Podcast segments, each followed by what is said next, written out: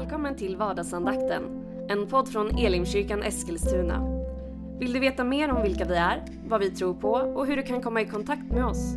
Gå då in på www.elimkyrkan.com. Nu lyssnar vi till dagens andakt. Välkommen till vardagsandakten. Jag heter Joel Backman, jag är pastor i Elimkyrkan i Eskilstuna. Och det är min stora glädje och förmån att få dela ett ord från Bibeln med dig idag. Vi håller på att läsa igenom Efeserbrevet. Alltså Paulus brev till församlingen i Efesos. Och det gör vi därför att Ekumeniakyrkan har valt Efeserbrevet som sin temabok i år. Och eh, om du inte har hängt med de tidigare avsnitten så gör det inget. För varje dag är ett fristående tanke, en ny idé liksom. Ändå hänger det såklart ihop i ett sammanhang. Vi har kommit fram till vers 8, 9 och 10 i första kapitlet. Vi läser de här tre verserna ihop. Och så går vi igenom det lite pö om pö kan man säga. Så här står det. Med vilken Gud har låtit all vishet och klokhet flöda över oss. Och han har yppat sin viljas hemlighet för oss. Det beslut om Kristus som han hade fattat från början och som skulle genomföras när tiden var inne. Att sammanfatta allting i Kristus. Allt i himmelen och på jorden. Det här är ju en fantastisk, ett par fantastiska verser. Och den börjar med detta att Gud är lite hemlighetsfull. Gud har hemligheter. Vi vet inte allt om Gud. Och Det är därför som vi ibland också måste vara försiktiga när vi möter pastorer eller präster eller andra andliga ledare, vad du vill kalla dem, människor i allmänhet, som tycker att de kan allt om Gud. Därför du och jag, vi vet inte allt om Gud. Av det enkla skälet att han inte har uppenbarat allt för oss. Han bär på saker som kan vara hemliga för oss faktiskt. Här säger Paulus att vid den här tidpunkten så hade Gud upp, yppat då, eller uppenbarat sin viljas hemlighet för oss. Men i och med att han säger det så säger han också att det gick långa tider då hans vilja inte var uppenbar. Då folk inte riktigt visste vad han tänkte. Och här finns en viktig kontrast för dig och mig att leva med. Och Det gäller dels berättelsen om Jesus, men det gäller också våra liv just nu och vår relation till Gud. Bara för att du och jag inte vet vad Guds vilja är just nu, eller bara för att vi inte ser Guds plan för vårt liv varje steg eller detalj, bara för att vi inte riktigt tycker att framtiden är så där kristallklar som vi hade velat, så innebär inte det att Gud är planlös. Att Gud inte har en idé eller tanke. Eller att Gud inte har total kontroll på vad som händer. Bibeln säger ju att Gud är ordningens Gud. Gud är inte slarvig. Gud är inte ogenomtänkt. Men han är förnuftig. Och han vet att hålla vissa saker dolda ibland. Jag vet inte om du har varit med om det, men jag är ju en, en drömmare och jag är en visionär, en entreprenör, alla de här bitarna. va. Eh, och drömmer stort va? och drömmer mycket. Och jag har fått lära mig en sak och det är att inte berätta allt på en gång. Därför att om jag berättar allt jag tänker så blir folk ibland stressade. Eller det kommer i fel tid och folk trycker bort det. Jag har lärt mig att vissa saker måste presenteras i rätt tid. Och när man presenterar en tanke, en idé i rätt tid, då kan den bära frukt. Men ibland när man kastar ut den lite till höger och vänster sådär, då märker man att det faller platt. Gud, när han håller saker dolda för dig och mig, gör ju det av en anledning. Han vet att det inte är tid än. Han väntar på det rätta läget, den rätta tiden. Gud jobbar väldigt mycket med timing. Han vet, även om han är evig och på ett sätt står utanför tiden, så arbetar han ju med oss människor som lever i tiden. Och därför så måste han samarbeta med timing, med tid. Och han gör det hela tiden. Men det är också underbart att läsa detta, att Gud har en plan. Han har yppat sin viljas hemlighet för oss. Det beslut om Kristus som han hade fattat från början. Med andra ord, Gud hade en plan hela tiden. Men vi fick inte veta den förrän vi behövde få veta den eller se den. Förrän det var tid att föda fram den idén. Och Det är också fint att Gud faktiskt yppar sina hemligheter. Det är inte det att Gud har till ambition att hålla saker och ting dolda för dig och mig. Han vill uppenbara saker för oss. Det finns ju en del som menar att man kan inte veta något om Gud. Det tror jag inte alls är sant. Jag tror man kan veta mycket om Gud.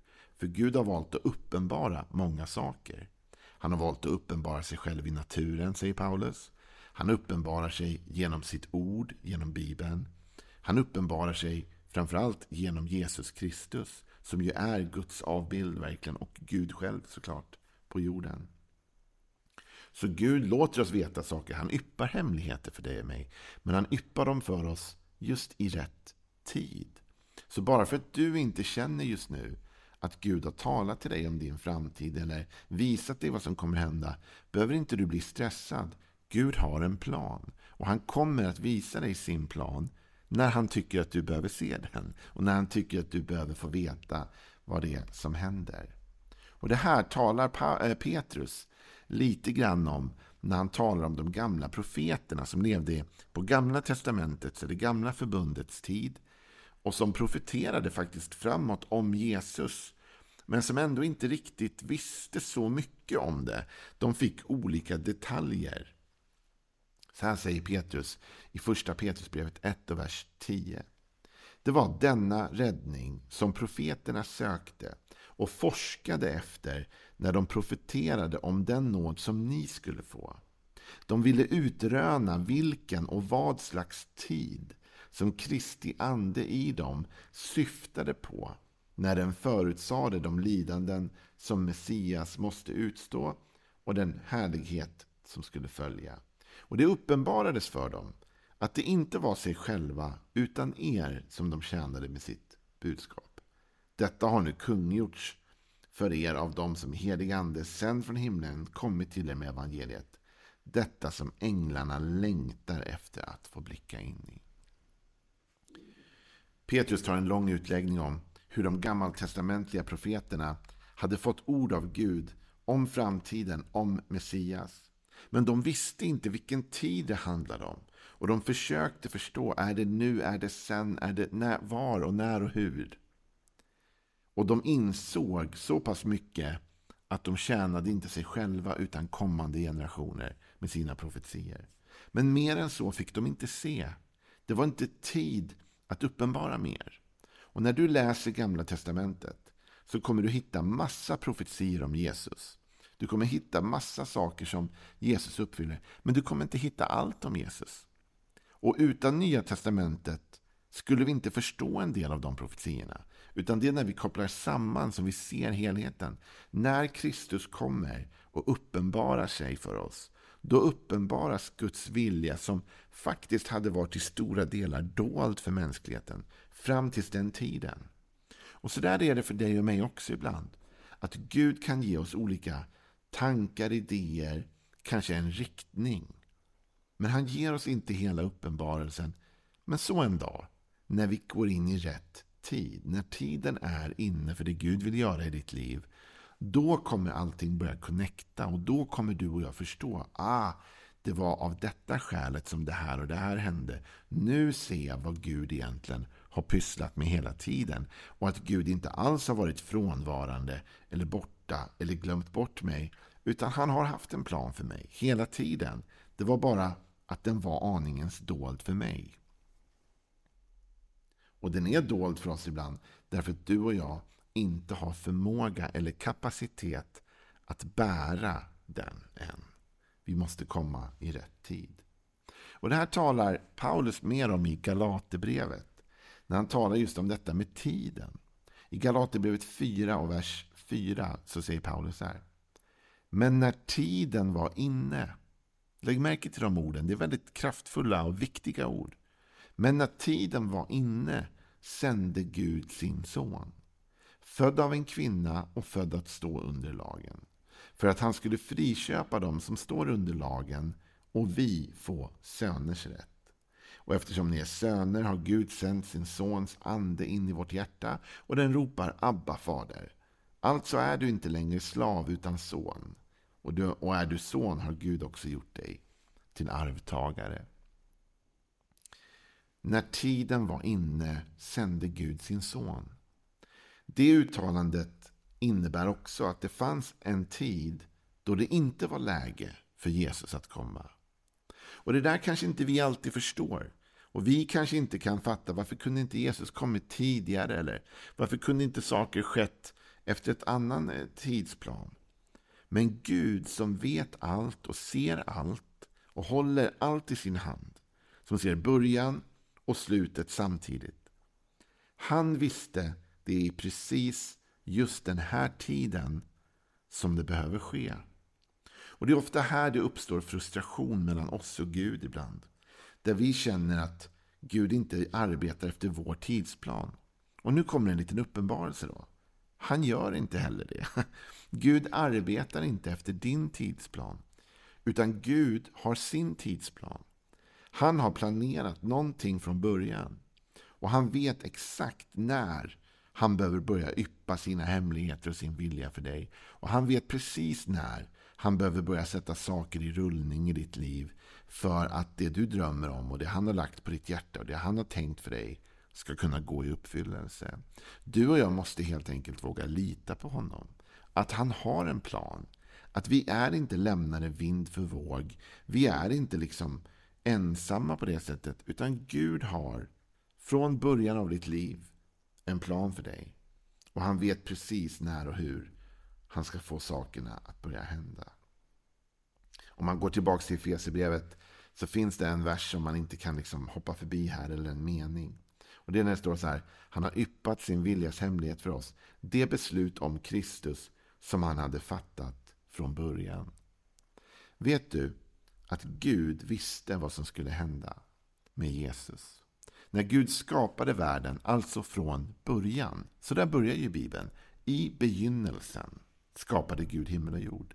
Och här säger Paulus att redan i begynnelsen, från början, så visste Gud vad som skulle behöva hända med Jesus. Det var inräknat i kalkylen. Och för mig betyder det så oerhört mycket.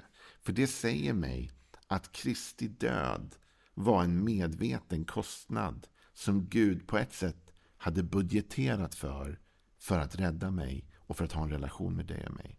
När han skapade oss med den fria viljan att välja vår egen väg och på så sätt också kunna älska honom på ett äkta sätt. Då gjorde han det medveten om det oerhörda pris detta skulle komma att kosta. Och han sa, det är värt det. Men han gick inte runt och berättade det för alla. Utan han höll det hemligt. Han höll det för sig själv till dess att tiden var inne att uppenbara den här sanningen för oss och för världen. Men han hade detta planerat från början.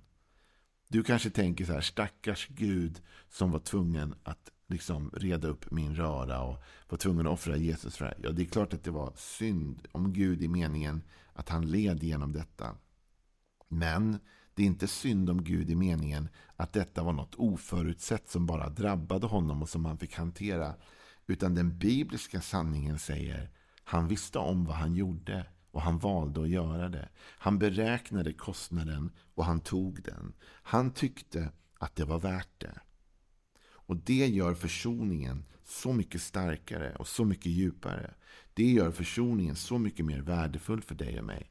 Att Kristi offer på korset var inte en sista utväg. En lösning i, i liksom bara chansning. En Hail Mary som man säger i USA. Det var inte det.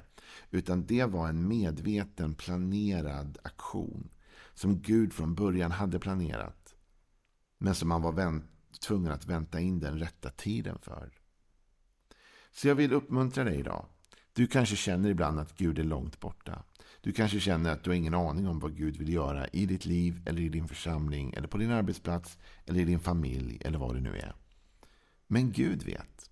Och även fastän det är dolt för dig så innebär det inte att det inte finns en plan.